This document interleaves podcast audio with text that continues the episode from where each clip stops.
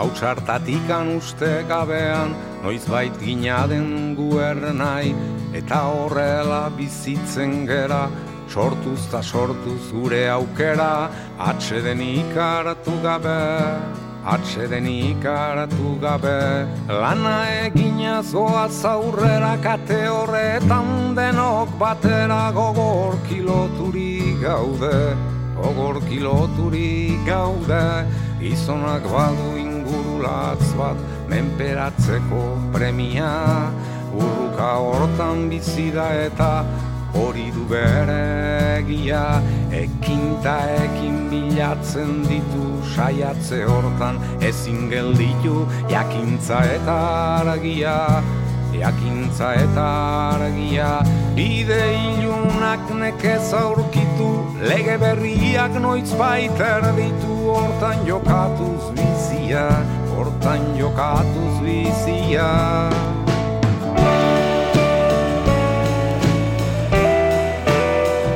¿qué tal estáis? Os enviamos nuestro saludo desde la Casa de la Palabra. Recuperamos entrevistas ya emitidas en otras ediciones y esta vez vamos a escuchar de nuevo a Laura Martínez. Laura Martínez, que ella es de Madrid y nos visitó aquí en la Casa de la Palabra, vino en persona para presentarnos su libro El mundo es mi casa. Recoge una década de viajes recorriendo el planeta junto con el guipuzcoano Hitor Eginich.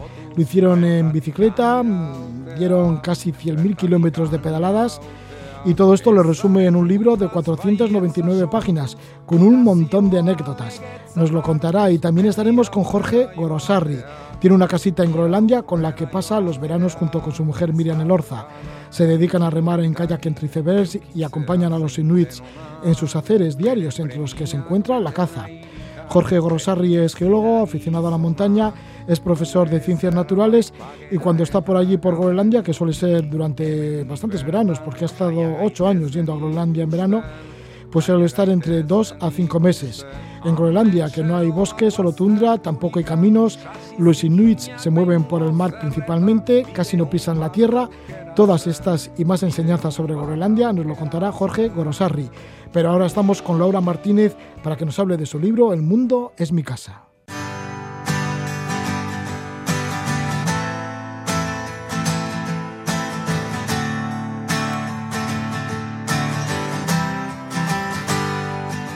I was thirsty, I was lost, I was hanging on a cross, I was dying to make it back to Colorado. Bones in a saddle, I was weary from the battle. The path was much too difficult to follow. Well, come on, Utah, get me over that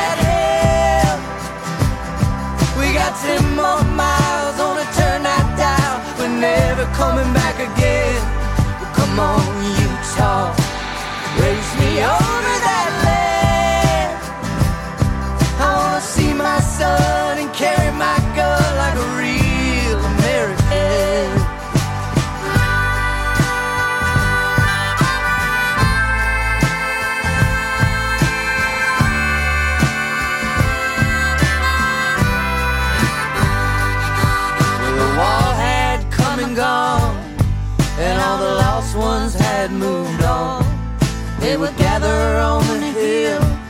Tell us.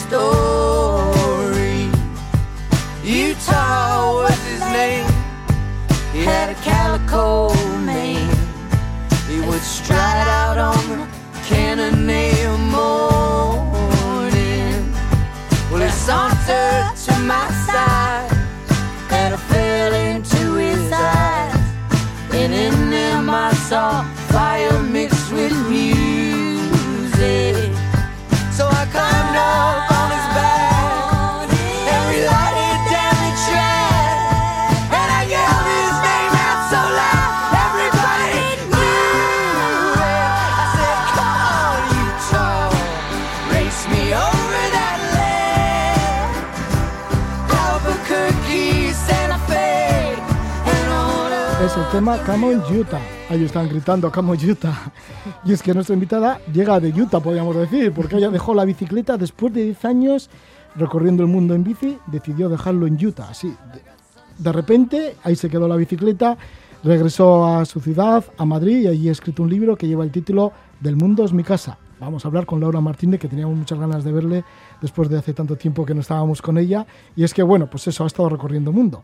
Laura Martínez es la autora de El mundo es mi casa, donde recopila los tres primeros años de los diez que ha estado recorriendo el mundo en bicicleta junto con Heitor Eginich, que es de Andoain. Laura se convirtió en nómada cuando en verano de 2000 se fue de Madrid a Escocia, se fue por tres meses y no volvió fue eh, bueno, transitando de un lugar a otro, intentando no dejar rastro, cargando con lo mínimo para moverse ligero y con libertad.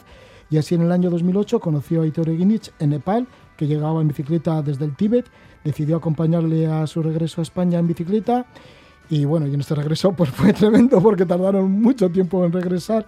Una aventura que se prolongó, pues eso, 10 años, hasta que Laura pues decidió bajarse de la bicicleta en Utah, en Estados Unidos. Y ahora le tenemos con nosotros aquí a Laura Martínez. Bienvenida, muy buenas noches, Laura. Hola, buenas noches, ¿qué tal? bueno, qué vida esta, ¿no? Sí. ¿Cuánto has andado por el mundo en bicicleta? Bueno, en bicicleta y anteriormente también te fuiste en solitario y... Nueve años anteriormente, salí realmente, salí en el 2000. Entonces, pues fueron nueve años de, más bien de llegar a un sitio y vivir en él, quedarme y pues eso, olerlo, saborearlo, estar, vivirlo, hasta que sentía, uy, como que ya está, ahora para allá y para allá. Y así pasaron nueve años que me llevaron pues a tropezarme de carambola con Aitor en Nepal. En el 2008 fue aquello. Pues sí, desde entonces pues has escrito este libro, El mundo es mi casa, que solo recoge tres años, pero el título es bastante revelador, ¿no? Porque tiene que ser tu casa después de 19 años recorriendo el mundo. Totalmente, es que es lo que siempre digo, no es, no es un título, es una sensación, es una frase que he repetido mucho porque es que lo siento. Y cuando la gente te sigue todavía preguntando, ¿y cómo? ¿Y has vuelto? O, ¿Y pero dónde está tu casa? Y, siempre no, no, no, terminan de pillarlo. Es que es verdad, te lo prometo. ¿Por qué desde el inicio eso? Decidiste salir de Madrid, irte a Escocia y luego pues ir por el mundo con poco peso, sin dejar rastro, así como muy ligera. ¿Por qué todo esto?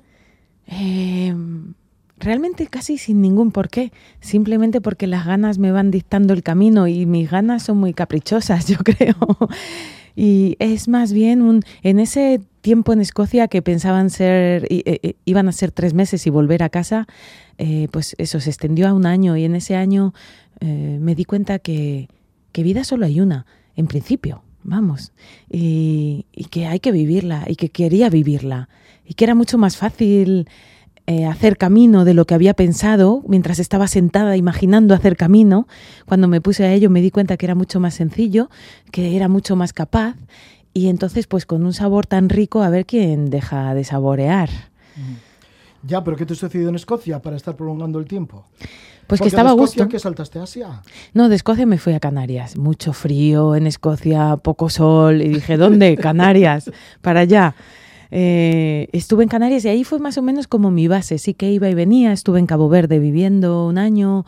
Luego fue cuando empecé a hacer espectáculo de calle y ya pues recorrí Europa haciendo espectáculo de malabares con fuego por aquí por allá. Y eso me dio mucho más libertad de movimientos y la facilidad de, hacer dinero en cualquier esquina, pues no tener que parar a hacer. Ahí ya fue un viaje más en movimiento y fui realmente a India quería ir a Senegal y acabé yendo a India porque era la boda de un amigo que estaba empeñado en que fuera, me pagó casi la mitad del billete y dije, bueno, pues sí, pues ya pues no lo compro de vuelta. Pues ya que voy me quedo un poco, ya veremos cuando vuelvo. Y allí pues me quedé recorriendo, recorriendo, estuve en una escuela en el norte, en Daransala, esa fue como una pequeña base y fui a renovar el visado para volver a la escuela porque estaba allí a gustito y fue cuando encontré a Aitor. Así todo cambió. Daransala, que es donde está el gobierno tibetano. Eso es, eso es, es un sitio maravilloso. ¿Y cómo probaste continuar con Aitor Eginich cuando le conociste en Nepal? Porque él ya venía de andar en bicicleta durante unos meses. Un año y medio. un año y medio. Entonces se encontró contigo y decidiste, bueno, pues te dijo Aitor, bueno, creo que fue así, ¿no? Pues yo me voy en bicicleta ya para Andoain. Y tú dijiste, pues te acompaño o algo así. Realmente fue un amigo, estábamos acampados en la selva eh, con un grupito que había en el hostal en el que coincidimos. Y dijimos, ostras, pues vámonos para el bordecito así de la selva. Entre unos cuantos nos sentíamos más valientes. Y acampamos allí 15 días. Y fue ahí que surgió a un amigo, un gran amigo, fue el que me dijo, ostras, qué aventura la de este, la de este vasco, ¿no? Y qué buena gente parece. Y, y yo, yo no puedo, él no podía, por sus circunstancias, pero yo si fuera tú me iba. Y fue como un cling cuando te llega un mensaje al móvil en la cabeza. Dije, ostras, pues sí. Y ahí fue, pues ya le propuse a Aitor y como los dos ya veníamos de años de vivir solos, no nos necesitábamos y veníamos contentos con lo que hacíamos, pues fue como un, bueno, probamos día a día y si no funciona, no funciona, sin problemas. Y así pues nos alargamos a 10 años de viaje en bici por el mundo. Hasta que llegó Uta y de repente decidiste dejar allí la bicicleta, bajarte de la bici. Sí, fue siempre eso. Cuando llevas 10 años dices, ¿y dónde pararemos y qué haremos? ¿Haremos una fiesta o llegaremos a un sitio especial, importante o cómo será? Y fue de la forma que nunca, como suelen suceder las cosas, que nunca hubiera imaginado que iba a ser, sin darme cuenta. Eh, realmente dejamos allí las bicis para ir a California a hacer un poco, a trabajar un poquito, a hacer un poco de pasta. La dejamos en casa de uno que, que, nos había invitado y que tenía espacio y dijo, sí, sí, sin problemas, por unos meses las podéis dejar aquí. Y las dejé pensando en volver y continuar. Pero en esos meses fue que, pues eso, que sintiéndome el interior me di cuenta que el cajón de las cosas por hacer estaba que se salían, los, que ya no cerraba. Y que en bici es una maravilla, me podría tirar la vida viajando en bici, no es por falta de ganas de seguir, sino por, por porque es que ten, tengo muchas cosas que quiero hacer y estaban todas esperando en fila y gritándome venga para allá y les hice caso. Entre ellas editar el libro El mundo es mi casa, que ya está público, que ya está en la calle, que estás dando un montón de conferencias por toda España, por todo el sí. Estado español. No, bueno, sé que estos días estás aquí en Euskal Herria, has estado por Guipúzcoa. ¿Y qué es lo que te gusta contar del libro? Bueno, realmente en las presentaciones, en las charlas, eh, cuento del viaje, porque el libro es el viaje y, y, el viaje es el libro. Son como una misma cosa. Y de los, de los dos, pues me gusta compartir las cosas que más me han sorprendido en el mundo, que es pues en el viaje, ¿no? Que todo, la mayor parte de lo que nos han contado y de los juicios o ideas que yo tenía de cómo era el mundo son, son pura basura. O sea, son, son realmente una gran mentira. No son lo que es, son historias que yo me contaba o que me habían contado y había dado como verdaderas. Me gusta hacer hincapié en la gran hospitalidad y calidad humana de los musulmanes que tanto y tanto nos han dado y enseñado.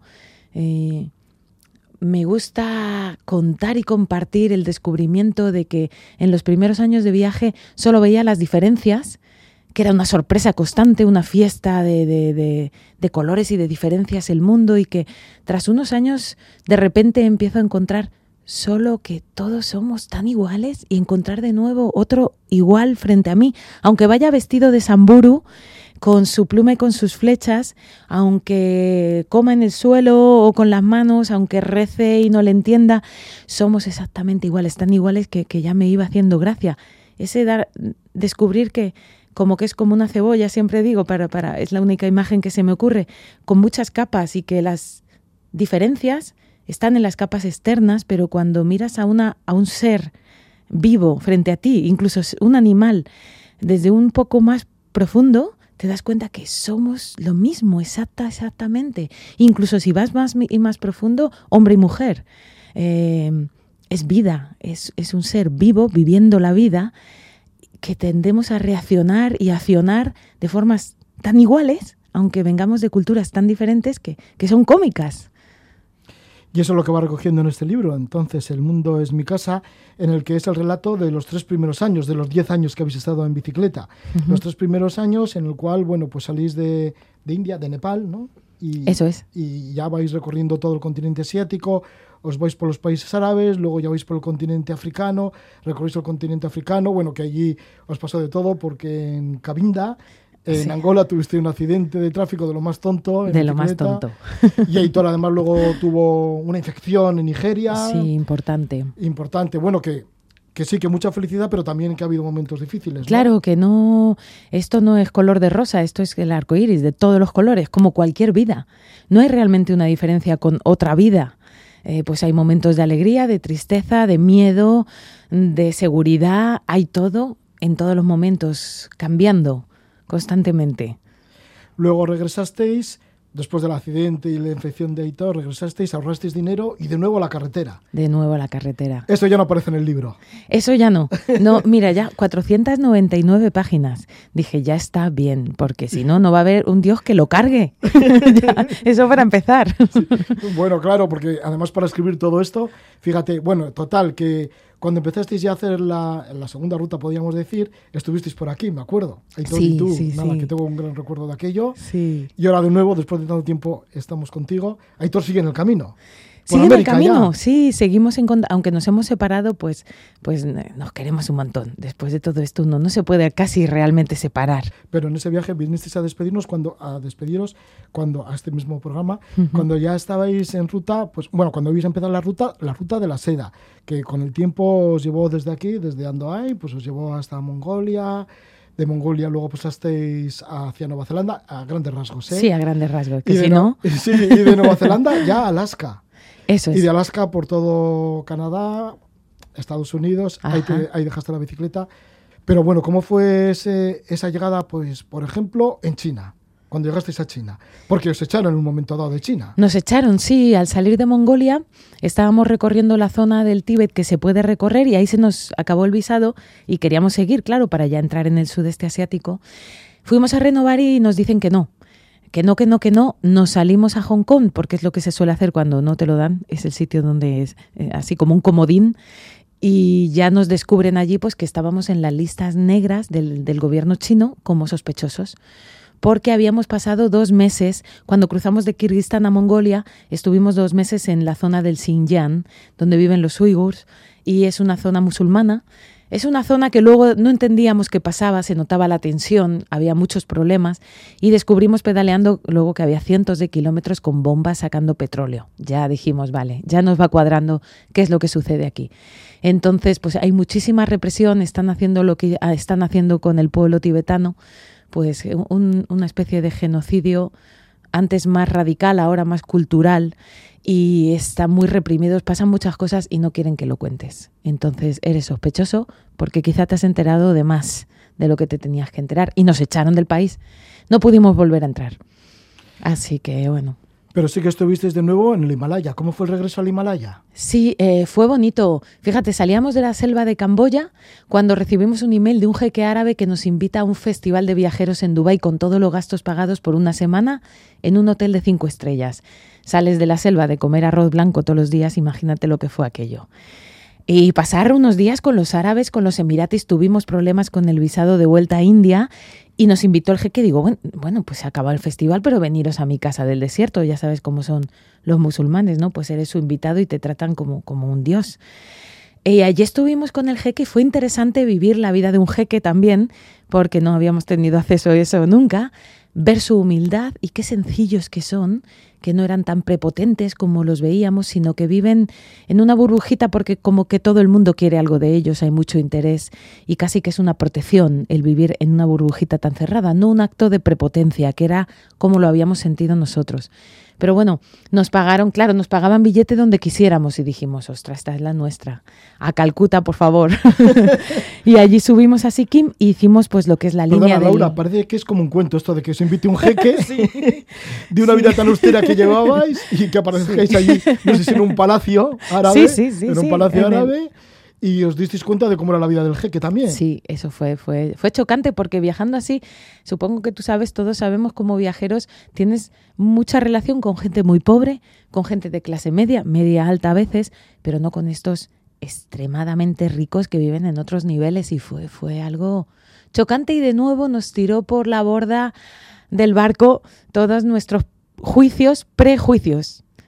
Pre porque eran anteriores al hecho y nos dimos cuenta que de nuevo pues todo lo que nos habíamos contado era mentira. Son de nuevo gente muy simple, se juntaban en la noche alrededor del fuego a tomar su té. Gente muy sencilla, muy humilde. Esa generación, porque había algunos que nos decían, si es que yo recuerdo vivir en una casa sin electricidad, con mis padres con las cabras, y de repente surgió nos enteramos que aquí había pe- petróleo en nuestras tierras y ahora somos, tengo un montón de presas, tantas que no las puedo casi contar, como dice el hombre, tengo tantos amigos que, que no los puedo contar, pues igual. Y, y- y son extremadamente ricos, pero vienen de, de, una pobreza que yo creo que eso es lo que les hace tener un pie en cada, en cada lado y todavía ser gente muy simple. Sus hijos ya son otra historia, ya les ves, ya esos se han criado en la abundancia extrema y ya un poco tienen el norte perdido. Bueno, total, que vosotros no tenéis el norte perdido, dijisteis, nos vamos a Calcuta. sí, sí, sí. Y otra vez metidos en el lío, en Calcuta. y otra vez en Calcuta, en el lío de India. Pero esta vez con una, un plan muy chulo, pues eso, los Himalayas en India, desde Sikkim hasta Ladakh, hasta Cachemira. Eh, pues toda, todo, todo en línea. Hicimos una maravilla ese Ladakh, ese toda esa zona es Piti Valley, es un valle, es el Ladakh de estar por casa, con un poco menos de turismo, un sitio altamente recomendable. Y luego pues se dio las circunstancias que abrieron Myanmar las dos fronteras, justo que es muy raro que suceda, y nos abrieron justo cuando estábamos ya de vuelta en los estados del noreste de India, que también son para no perdérselos, Meghalaya, Nagaland, una maravilla, y cruzamos Myanmar por tierra, todo un honor, porque no sucede a menudo que esa frontera esté abierta. Y ya de ahí, pues eso sí, sudeste asiático de nuevo, eso nos es un poco más aburrido, esa parte de Tailandia y Malasia. Eh, ya Indonesia, Nueva Zelanda, y América. ¿Cómo fue por Nueva Zelanda? Digo, como contraste ya de Asia. Fue interesante. La isla norte nos aburría. Decíamos, joder, si alguien nos pregunta, le vamos a decir que no venga, que no se gaste tanta pasta para venirse a las antípodas cuando es otro Euskal La isla norte es muy parecido a esto. Sí, muy verde, pero incluso eso, las plantas que crecen, el tipo de todo, es muy como estar aquí. Las montañas quizá un poco los valles más abiertos, pero muy poquita más diferencia. Y bueno, es un país del primer mundo, por lo tanto no te da ese exotismo de otros lugares. Lo que sucedió, pues eso, que lo bonito está en la isla sur. Ahí está la chicha, ¿no? Lo que pasó es que yo ya había empezado a escribir el libro en una visita aquí, en dos meses de visita de Navidades. Fue cuando lo empecé oficialmente, el 2016 ya lo llevaba escrito y era como que el libro había tomado entidad propia. Realmente se convirtió en algo externo a mí con vida propia. Y me iba reclamando que continuara, que venga, que, que de verdad las ganas de escribir es que paraba y en cualquier descanso estaba ahí escribiendo con ideas. Era como que tenía que, que seguir con eso. Lo había empezado y era una bola dentro que, que me empujaba a continuar. Entonces, pues antes de cruzar a la isla sur, hablando sucedió de carambola de nuevo que un escritor se entera de esta sensación mía y me dice, sé lo que sientes. Y era un tío con bastante pasta. Tengo una casa en la playa que no uso, voy solo los fines de semana y de vez en cuando. Si quieres, te la dejo. Te vas ahí, estás sola y escribes todo lo que quieras. Entonces, bueno, pues eh, decidí que sí. Que me perdí a la isla sur, aunque sé que, que vamos, es casi para meterme en el calabozo, pero que me la perdía porque apostaba por, por esas ganas y por seguir eso, lo que sentía que quería hacer. Aitor se fue solo, hizo la Isla Sur en solitario y en ese mes eh, estuve escribiendo allí, en una, haciendo efecto burbuja en un sitio maravilloso. La casa era una maravilla, daba al mar directamente. Todos los días tenía ahí el atardecer, una casa de película. Nunca había estado en una casa así, toda para mí. Y fue un honor y un gran regalo que me, hizo este gran hombre, Ron. Y bueno, pues allí hice otros ocho capítulos del libro, en las antípodas. Es como que el destino te empujara, ¿verdad? Sí, sí. Que te brindara lo mejor para poder escribir el libro. Sí, sí, regalo tras regalo. Yo, yo no me quejo nunca, es un agradecimiento continuo porque es regalo tras regalo. Es siento, creo, me huele a mí. No lo afirmaría, no creo que, que tenga ninguna verdad, pero siento que cuando te abres a, que, a la vida y te flexibilizas en tus propios planes, que a veces nos encarcelamos en nuestros propios planes, permites que suceda y es cuando empiezan los regalos y la fiesta. La fiesta, una fiesta, bueno, que han sido 10 años de fiesta, ¿no? Y de conocer el mundo, de conocer gentes y de que el destino te vaya, te vaya llevando también, como en este caso. Eso es, eso es. Sí, porque luego ya después de Nueva Zelanda ya saltasteis a otro continente. Os fuisteis al continente americano y ahí estaba Alaska. ¿Y cómo resulta Alaska? Pues resulta... Porque volasteis para allá, para Alaska. Volamos y llegamos a Anchorage y ya, ya habíamos volado a Indonesia y luego Nueva Zelanda y ya habíamos aprendido el truquillo de en el mismo aeropuerto, en una esquinita, montar las bicis y salir pedaleando por la puerta del aeropuerto. Entonces salimos de allí ya. Salimos hacia el norte para acercarnos al Denali y hacer una carretera que Salva, Salva Rodríguez, nos había, es otro gran viajero en bicicleta, eh, un gran personaje y nos encanta seguir sus rutas, contar con su con su opinión a la hora de decidir la ruta, nos decía de esta Denali, carretera de Denali, y sí, fue, fue un gran acierto subir hacia el norte para recorrerla. Nos impactó tanto Alaska como Canadá, quizá Canadá más. Cuando ahora la gente pregunta, yo siempre digo, ah, para los dos nos pasó que el cruzar con la frontera con Canadá nos hizo que nos gustara más, porque Alaska es impresionante cuanto a los cientos de kilómetros de naturaleza salvaje en la que no hay nada ni nadie, está muy poco poblado y eso impacta. El que todo sea bosque, bosque, bosque, sin carreteras, eso, sin casas, sin nada más que animales, que, que, que te viene esa cosa de, de, decirte, joder, así fue el mundo un día, así debió de ser, ¿no? Eh, es impactante, pero sí que cuando cruzas a Canadá, porque quizá las temperaturas a lo largo del año son algo más medias, no es tan, tan extremo como Alaska, cuanto más bajas, eso lo que hace es que el efecto de eso es que hay mucha más variedad de árboles, porque en el norte hay mucho hielo y hay mucha agua en el verano. Entonces los árboles están como muy empobrecidos, son muy como un poco enclenques. Y claro, cuanto más bajas, los árboles cobran muchísima más fuerza y hace que el paisaje sea mucho más rico, incluso en variedad de árboles que crecen. Y a los dos nos pasó eso. Alaska tiene un nombre muy romántico y fue una maravilla, no, no, no me interpretes mal, pero Canadá tiene muchísima más abundancia. Tiene lo que Alaska, pero con, con plus de muchas otras cosas en cuanto a animales y, y, y, y plantas, árboles, paisajes. Cruzasteis el estado de Yukon en Canadá y luego ya en Estados Unidos, Montana, Idaho, Utah. Eso es. ¿Y California? ¿En California estuvisteis trabajando? Estuvimos trabajando, sí. Bajamos pedaleando hasta Utah. Este hombre que habíamos conocido en Alaska, que nos invitó a un té y nos acabó invitando a su casa después de la charla, nos la ofreció y, y, bueno, pues fuimos allá a Salt Lake City y allí dejamos las bicis. Nos cogimos un autobús y un tren para ir hacia California y allí pues bueno, empezamos a buscar trabajo ilegalmente, porque claro, tenemos visado de esto que no me oigan, que no me dejan entrar más. eh, pero claro, tenemos visado de turista, pero ya conocemos viajeros de años que nos decían que allí se hace pasta. Y bueno, pues claro, eh, la pregunta que siempre le sale a la gente, ¿y tú cómo viajas tanto? Pues claro, porque de vez en cuando paro y hago pasta. Y, y porque gasto poco mientras viajo. Pero era un, un, gran momento, una gran oportunidad. Nos fuimos para allá y de nuevo, carambola, carambola, tuvimos suerte y caímos en un gran lugar. Sí, porque estuviste, estuvisteis trabajando en los campos de marihuana. Sí, eso es. Bueno, que esto es común ya para muchos viajeros que pasan por California y que tienen este trabajo. Eso sí, hay, hay mucha gente que lo hace. Eh, a veces hay gente que le, se le pueden... A mi abuela no se lo he dicho, le he dicho que recogíamos tomates y a gente porque se le pone a gente la carne de gallina, pero bueno, pues bueno, es, es, otro es legal, cultivo ¿no? va. Este sí, cultivo. es legal ahora. La legalización. En California. Sí, allí sí, la legalización al final es otra historia, pero es un engaño porque lo que significa las grandes corporaciones se quieren quedar con el mercado. Han legalizado, pero lo han hecho ilegalizable para los pequeños campesinos.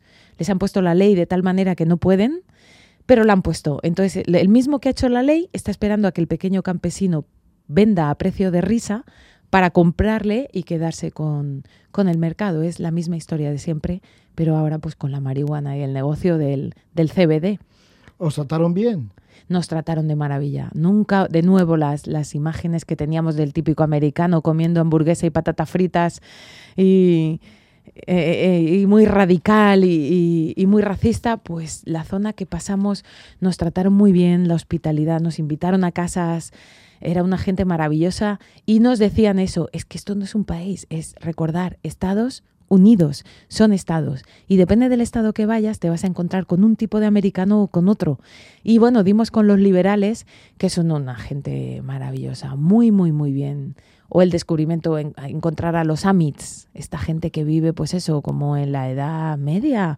¿Y os dejaron entrar en su comunidad los Amis? Eh, casi, no realmente, somos tóxicos para ellos, porque no quieren el contacto con todo esto nuevo, viven ahí anclados en ese pasado pero sí que, pues eso, vas en bici y te mezclas mucho más. Vemos un mercado, paramos, era un mercado de Amitz, y allí nos sentamos entre ellos, le compramos un pan a una mujer, nos vieron las bicis y les caímos más simpáticos, o nos pasó pues cogiendo agua en la misma fuente, achicharraos a mediodía, de, hay solo una fuente, un árbol, pues ahí te juntan los que estés.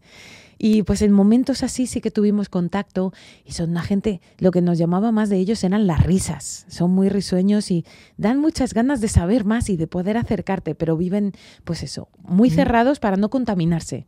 Para no contaminarse y para seguir su doctrina, ¿no? Eso es, para seguir en ese cerramiento que ellos, bueno, lo consideran un avance. Bueno, pues estamos con Loro Martínez. Teníamos tendríamos noches enteras ¿no? para seguir escuchando tus historias, porque son tantas. Algunas de ellas las recoges en El Mundo es mi casa, que solo se recogen tres años de los diez años que has estado recorriendo el mundo en bicicleta junto con el editor Guinness de Andoain. Este libro que lo estás presentando en diferentes lugares, que tenemos la suerte de que has llegado por aquí, por el País Vasco, y ahora pues tenemos la oportunidad de entrevistarte. Muchísimas gracias porque es un honor que hayas llegado a nuestro programa, Laura Martínez y que vaya bien con el libro El mundo es mi casa. El subtítulo es Sabores de una vida nómada en bicicleta. Muchísimas gracias por estar con nosotros, Laura Martínez.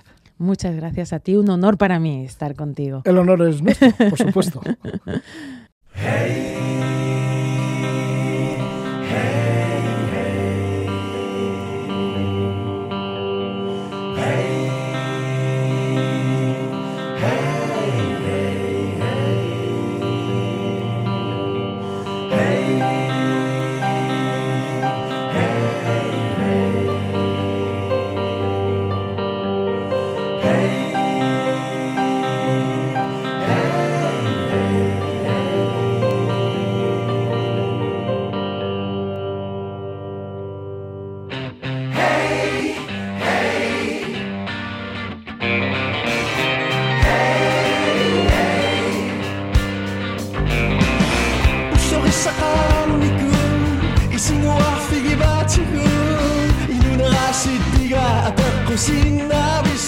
es el grupo de rock de Groenlandia Nanok, que significa oso polar en su idioma, el Kayalisut.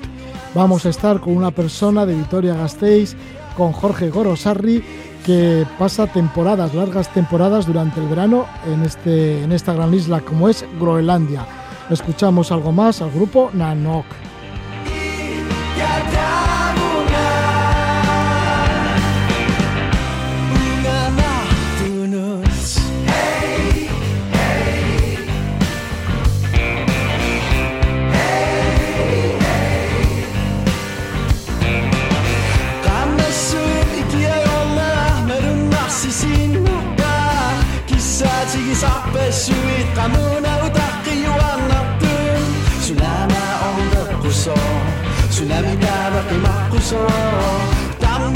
一个是你，我进了马路。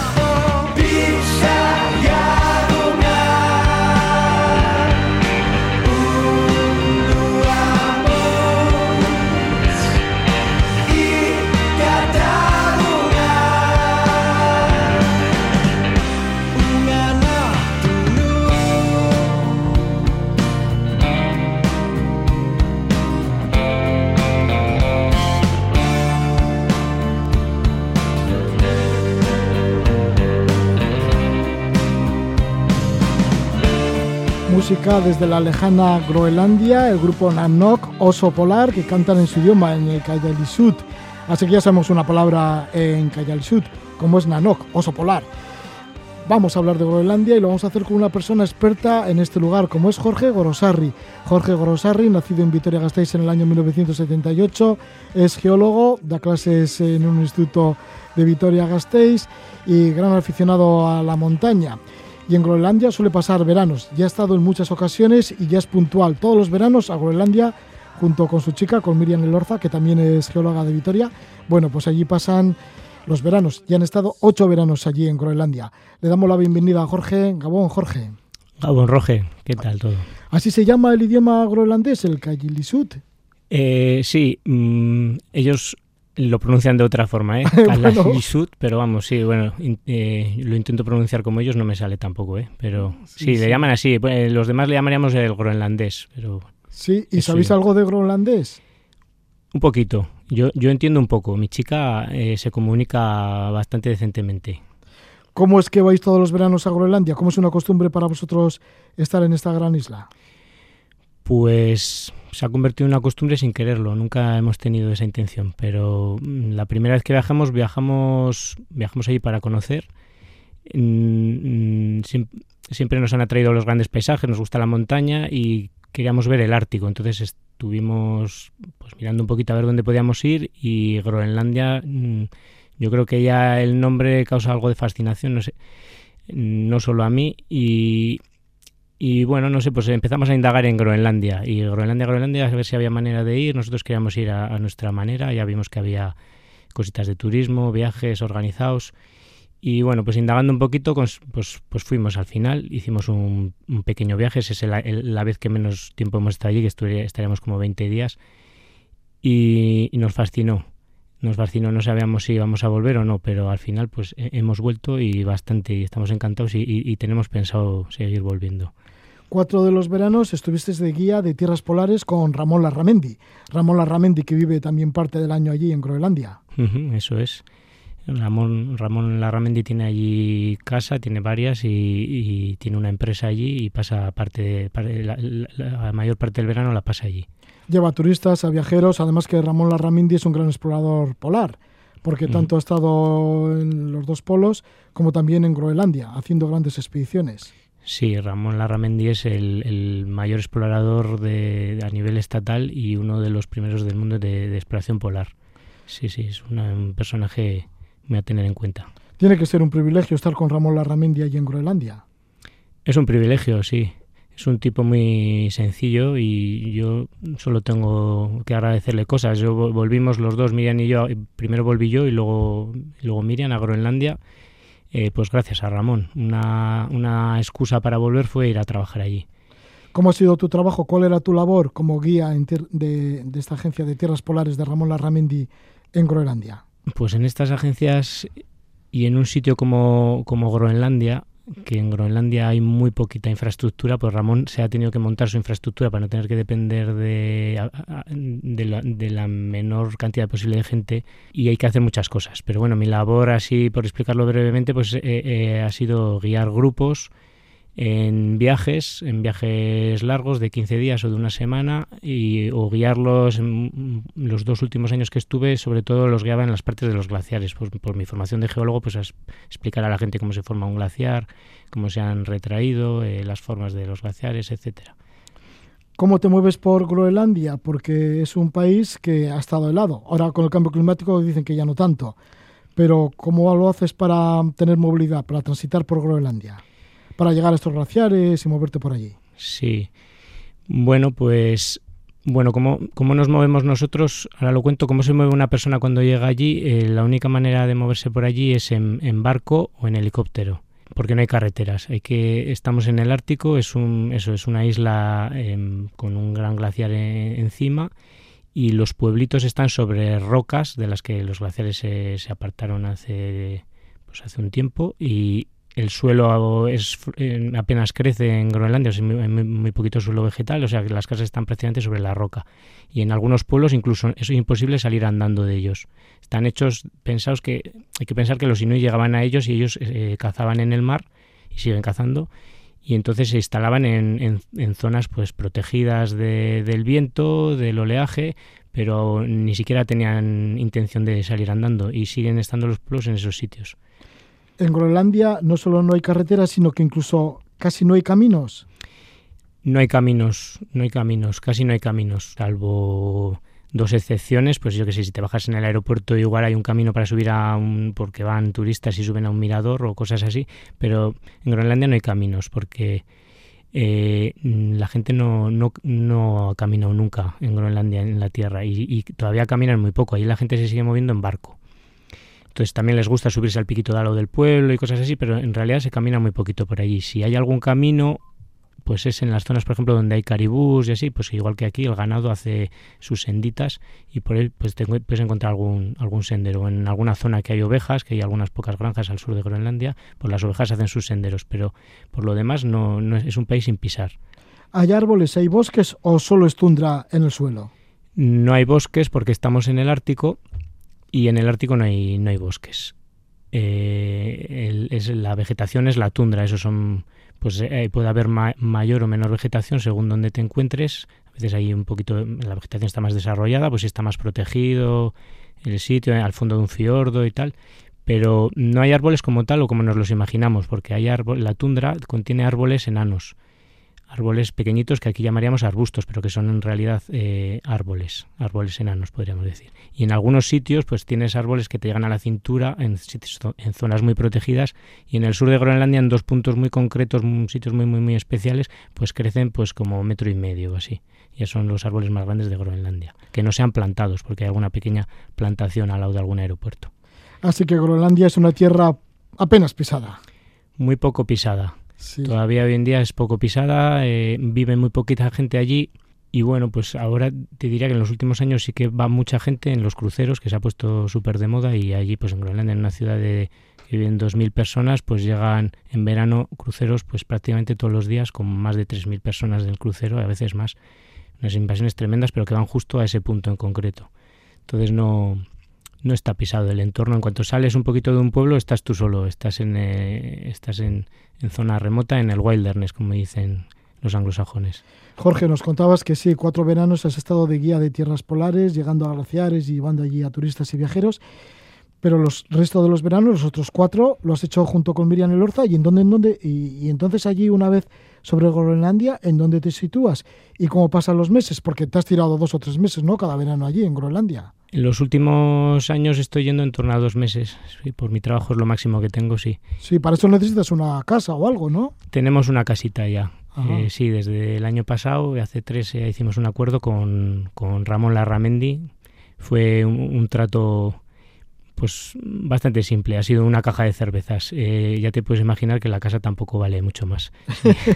O sea, ¿le cambiaste por una caja de cervezas la casa? Ese fue el trato con Ramón. Ah, Sí, eh, es a ver, es una casa vieja que tenía él, que la compró para la empresa y que pues mm, no la usaban, estaba para caerse, allí el mantenimiento es muy caro tampoco, entonces eh, está medio abandonada. Entonces, pues, pues, sin más, se nos ocurrió preguntarle a ver si tenía intención de hacer algo con ella y, y, que por qué precio la, la podría vender y, y fue su respuesta.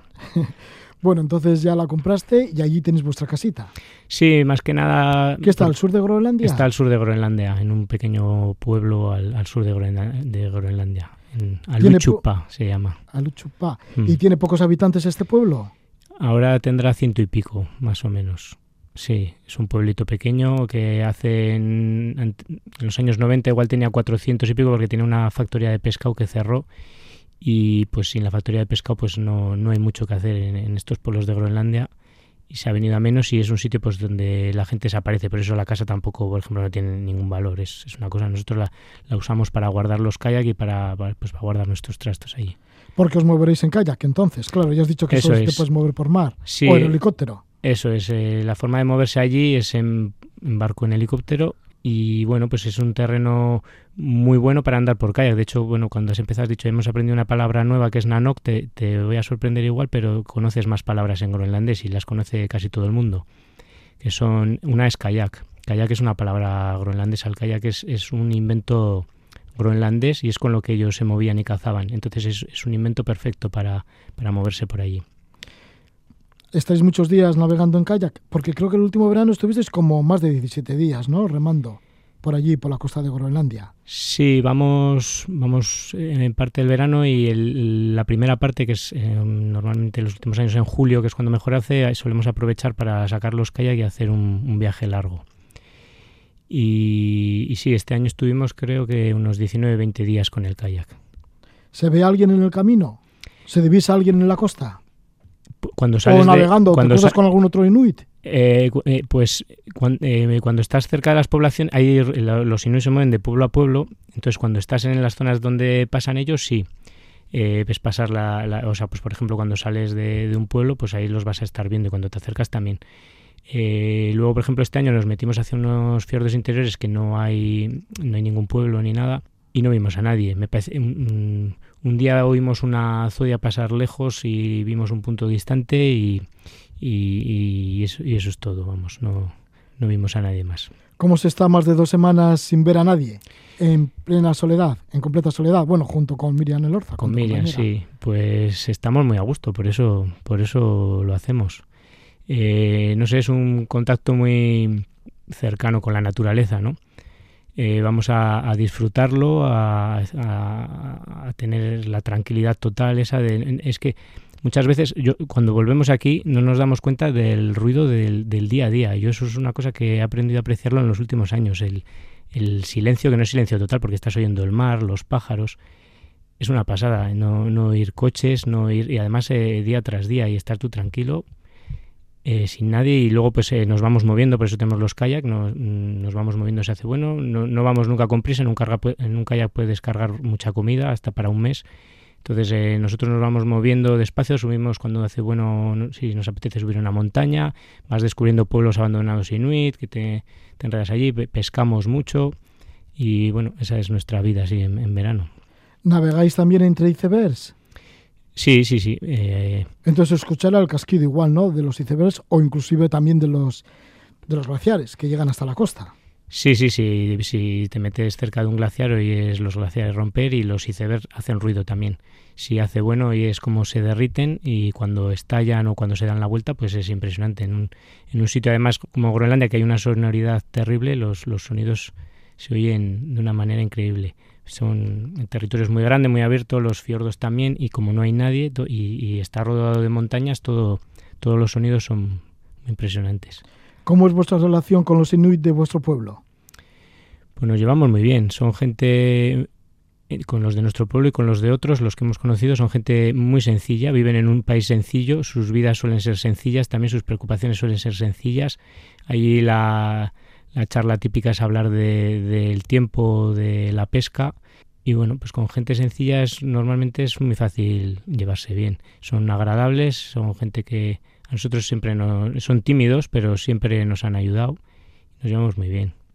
¿Soléis incluso acompañarles a cazar? Caribús, focas. Hemos estado en alguna ocasión, no, no, es que la caza sea de algo que nos, que nos guste excesivamente, o sea, no, no somos cazadores, pero bueno, hemos acompañado a, varios amigos alguna vez, sobre todo por ayudarles, porque la caza es, es un es un, bueno, una actividad dura, pero a ellos es muy importante porque van a llenar las neveras para todo el año, lo hacen puntualmente, no es que salgan a cazar todos los días, hacen temporadillas de caza cuando les toca, todo está regulado, tampoco se puede cazar lo que quieras. Y entonces cuando pues alguna vez nos lo han pedido y hemos salido, alguna vez que se ha dado la ocasión, porque muchas Muchas de las cazas que hacen, por ejemplo, las focas que suelen cazar, suelen hacerlo en mayo y por, por, el trabajo no podemos estar allí y el caribú suele ser también en septiembre. Pues alguna vez que ha coincidido hemos, hemos ido con ellos, sí. ¿A qué se debe este trabajo duro? Ya no lo imaginamos, pero sobre el terreno cómo es, porque ¿qué se va navegando en kayak también? No, a cazar se va y, van en kayak tradicionalmente, pero eso es imposible de llevar a cabo ahora mismo. De, de hecho, ellos ya no andan en kayak, salvo algún club de kayak en alguna ciudad que mantienen la tradición un poquito, pero más de, forma deportiva, a cazar van en barco de gasolina.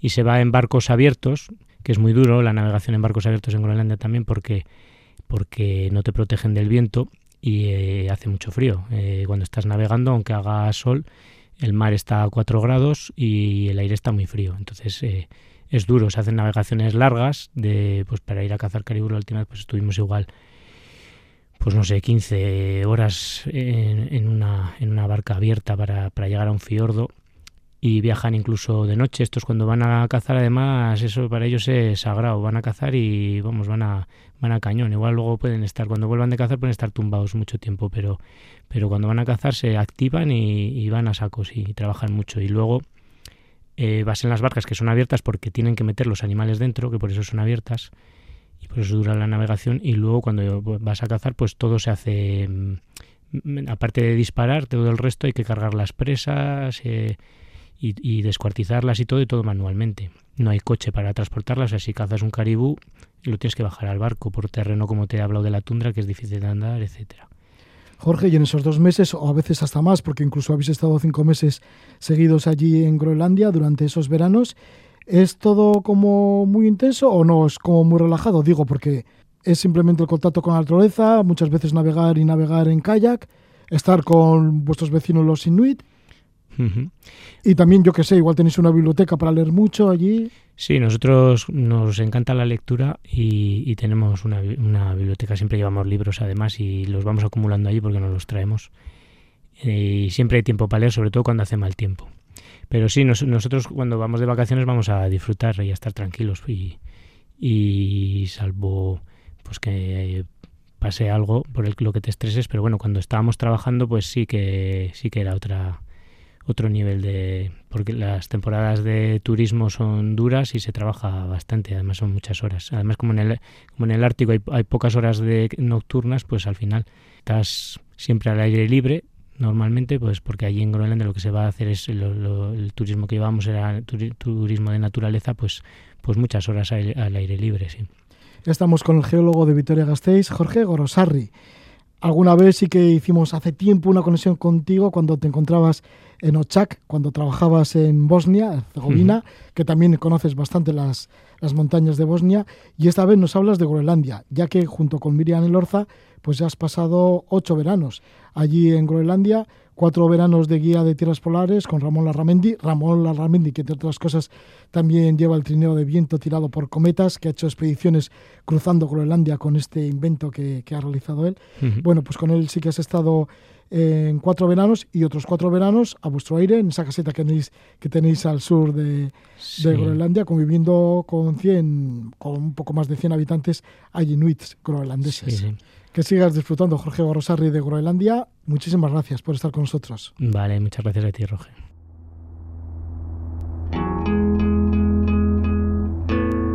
Dejamos Groenlandia, a donde nos ha llevado Jorge Gorosarri, y nos vamos con la música de Willis Drummond y el tema Nai Tanayes. Que disfrutéis, que vaya todo muy bien.